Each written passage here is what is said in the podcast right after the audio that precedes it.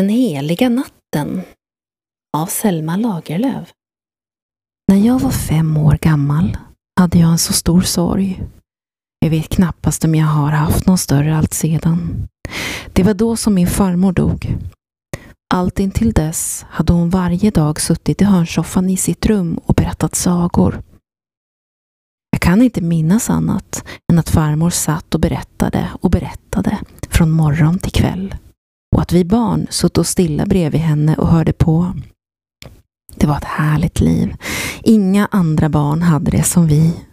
Det är inte mycket jag kommer ihåg om min farmor, men jag minns att hon hade vackert kritvitt hår och att hon gick mycket krokig och att hon alltid satt och stickade på en strumpa. Så minns jag även att när hon hade berättat en saga så brukade hon lägga sin hand på mitt huvud och så sa hon Och allt det där är så sant som att jag ser dig och du ser mig. Jag kommer också ihåg att hon kunde sjunga visor, men det gjorde hon inte alla dagar. En av de där visorna handlade om en riddare och ett sjörå. Och den hade till omkväde. Blåser kallt, kallt väder över sjö. Så kommer jag ihåg en liten bön som hon lärde mig och en psalmvers. Av alla de sagor som hon berättade mig har jag blott ett svagt och oredigt minne. Det är endast en enda av dem som jag minns så väl att jag skulle kunna berätta den. För det är en liten berättelse om Jesu födelse. Se, detta är nästan allt som jag kommer ihåg om min farmor, förutom det som jag minns bäst. Och det är den stora saknaden när hon var borta. Jag minns den dagen då hörnsoffan stod tom och då det var omöjligt att begripa hur dagens timmar skulle få ett slut. Det minns jag. Det glömmer jag aldrig. Och jag minns att vi barn fördes fram för att kyssa den dödas hand. Och vi vore rädda för att göra det. Men då sa någon till oss att det var sista gången som vi kunde tacka farmor för all den glädje som hon hade gjort oss. Och jag minns hur sagor och visor körde bort från gården inpackade i en lång svart kista och hur de aldrig kommo igen. Jag minns att det var något borta ur livet. Det var som om dörren till en hel vacker, förtrollad värld, där vi förr fritt kunde gå ut och in, hade blivit stängd. Och nu fanns det ingen som förstod sig på att öppna den dörren. Och jag minns att vi barn så småningom lärde oss att leka med dockor och leksaker och leva som andra barn. Och då kunde det ju se ut som om vi inte mer saknade vår farmor eller kom ihåg henne. Men ännu i denna dag, efter 40 år, då jag sitter och samlar ihop de legender om Kristus som jag hört borta i Österlandet, vaknar den lilla sägnen om Jesu födelse som min farmor brukade berätta upp inom mig. Och jag får lust att tala om den än en gång och låta den komma in i min samling. Det var en juldag då alla hade rest till kyrkan utom farmor och jag. Och jag tror vi vore ensamma i hela huset. Vi hade inte tagits med därför att den ena av oss var för ung och den andra var för gammal. Och vi vore ledsna båda två över att vi inte hade fått fara till Ottesången och se julljusen. Men när vi sutto där i vår ensamhet började farmor berätta. Det var en man, sade hon, som gick ut i mörka natten för att låna eld. Han gick från stuga till stuga och knackade på. Kära, hjälp mig, sa han. Min hustru har nyss fött ett barn och jag måste göra upp eld för att värma henne och den lille. Men det var djup natt, så att alla människor sov. Svarade honom. Mannen gick och gick. Till sist fick han se ett eldsken lysa på långt håll. Han vandrade då i den riktningen och såg att elden brann ute i det fria. En mängd vita får låg och sov omkring elden och en gammal herde satt och vakade över jorden. När mannen som ville låna eld kom fram till fåren såg han att tre stora hundar låg och sov vid herdens fötter. De vaknade upp alla tre när han kom och öppnade sina vida gap som om de ville skälla. Men det hördes inte ett ljud. Mannen såg att håren reste sig på deras ryggar. Han såg att deras vassa tänder lyste glimmande, vita i eldljuset och att de störtade emot honom. Han kände att en av dem bet om hans ben och en om hans hand och att en hängde sig vid hans strupe. Men käkarna och tänderna som hundarna skulle bita med ville inte lyda dem och mannen led ingen den minsta skada. Nu ville mannen gå vidare för att få vad han behövde, men fåren låg så tätt intill varandra, rygg vid rygg, att han inte kunde komma fram. Då steg mannen upp på djurens ryggar och vandrade på dem fram till elden och ingen av djuren vaknade eller rörde sig. Så långt hade farmor fått berätta ostörd, men nu kunde jag inte låta bli att avbryta henne. Men varför gjorde de inte det, farmor? frågade jag.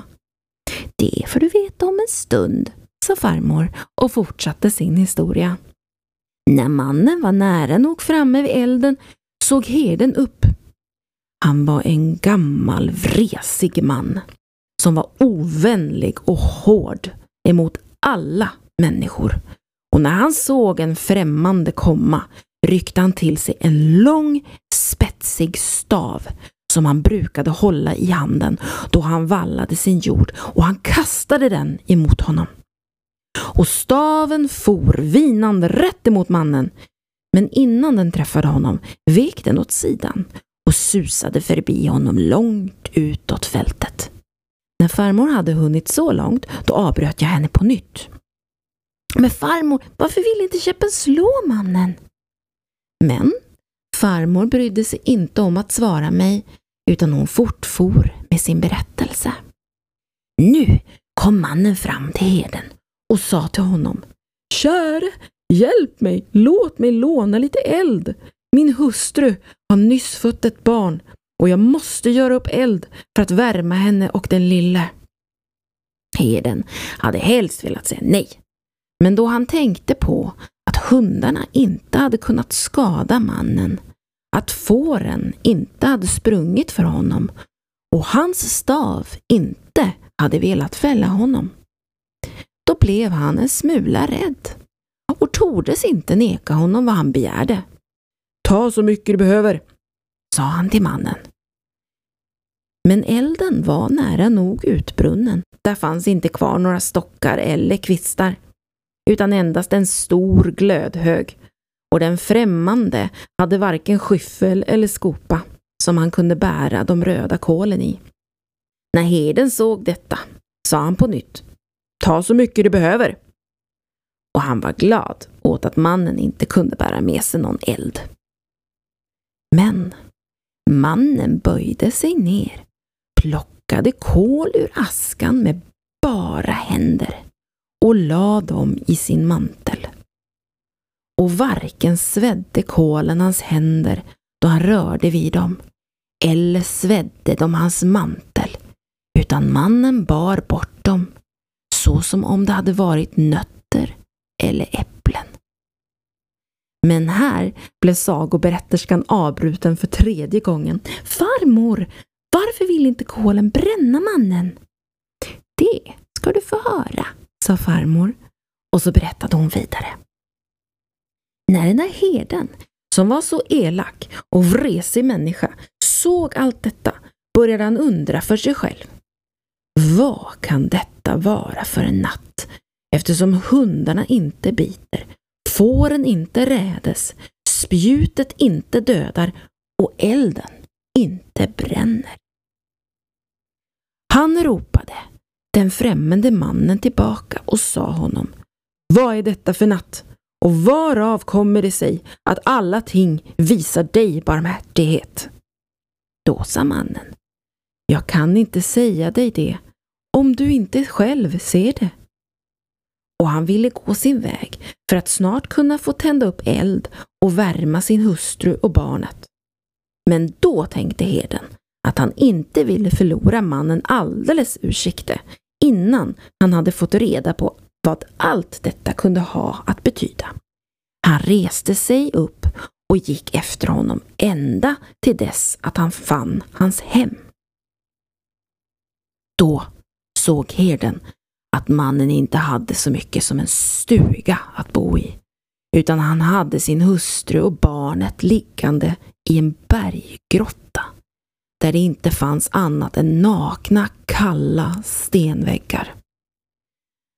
Men herden tänkte att det stackars oskyldiga barnet kanske skulle frysa till döds där i grottan. Och fastän han var en hård man blev han rörd och tyckte att han ville hjälpa barnet. Och han lossade sin ränsel från skuldran och ur den tog han fram ett mjukt och vitt fårskinn, gav det till den främmande mannen och sa att han skulle låta barnet sova på det. Men i det detsamma som han visades att också han kunde vara barmhärtig blev hans ögon öppnade och han såg vad han inte förut hade kunnat se och hörde vad han inte förut hade kunnat höra. Han såg att runt omkring honom stod en tät ring av små silvervingande änglar och var och en av dem höll ett strängaspel i sin hand och alla sjöng de med hög röst att i natt var frälsaren född som skulle frälsa världen från dess synder. Då förstod han att alla ting var så glada denna natt att de inte ville göra något ont. Och det var inte bara runt om herden som det fanns änglar, utan han såg dem överallt. De satt inne i grottan och de satt utanför på berget och de flög under himlen. De kom gående på vägen i stora flockar och när de gick förbi stannade de och kastade en blick på barnet. Det var sådant jubel och sådan glädje och sång och lek och allt detta såg han i mörka natten där han förut ingenting hade kunnat varsna. Han blev så glad över att hans ögon hade blivit öppnade att han föll på sina knän och tackade Gud. Men när farmor hade kommit så långt suckade hon och sa Men vad den heden såg, det kunde vi också se. För änglarna flyger under himlen varje julnatt, om vi bara förmådde urskilja dem. Och så la farmor sin hand på mitt huvud och sade Detta ska du komma ihåg, för det är sant, som att jag ser dig och du ser mig. Det är inte på ljus och på lampor som det kommer an och det ligger inte vikt vid måne och sol utan det som är nödvändigt det är att vi äger sådana ögon som kan se Guds härlighet.